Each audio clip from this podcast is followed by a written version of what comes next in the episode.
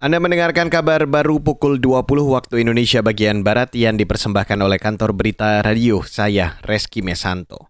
Saudara, pernyataan Presiden Joko Widodo yang mengingatkan agar pembangunan infrastruktur harus mengurangi resiko bencana menuai kritik. Pernyataan itu disampaikan Jokowi saat membuka rapat koordinasi nasional penanggulangan bencana hari ini. Aktivis jaringan advokasi tambang atau Jatam Kalimantan Timur, Pradharma Rupang menilai, Pernyataan Jokowi justru bertolak belakang dengan kenyataan. Misalnya, pembangunan infrastruktur ibu kota negara atau IKN Nusantara tidak dibangun dengan kajian lingkungan hidup strategis atau KLHS. Di mana KLHS itu sebenarnya adalah dokumen yang membaca secara komprehensif mengenai daya dukung dan daya tampung lingkungan hidup.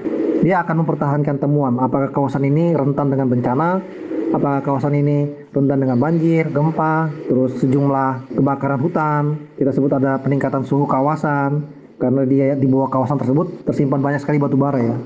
Aktivis Jatam Kalimantan Timur Pradharma Rupang juga menuding fakta-fakta krisis alam justru diabaikan pemerintah dalam membuat sebuah kebijakan. Dia pesimistis pembangunan infrastruktur di Indonesia akan mengurangi resiko bencana. Beralih ke berita selanjutnya, Saudara. Ikatan Dokter Anak Indonesia atau IDAI menyebut 80 kematian balita yang terinfeksi COVID-19 dalam dua bulan terakhir disebabkan sejumlah faktor. Ketua Umum IDAI Pimprim Basarah Yanuarso mengatakan, dari catatan selama ini, sebagian besar kematian balita disebabkan komorbid berat. Namun untuk mengetahui penyebab klinisnya harus melalui audit mortalitas.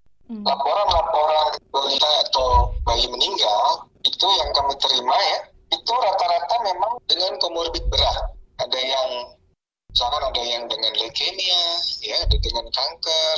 Makin banyak komorbidnya, misalnya penyakit jantung bawaan dengan gizi buruk ya, itu tingkat eh, kematiannya sangat tinggi ya.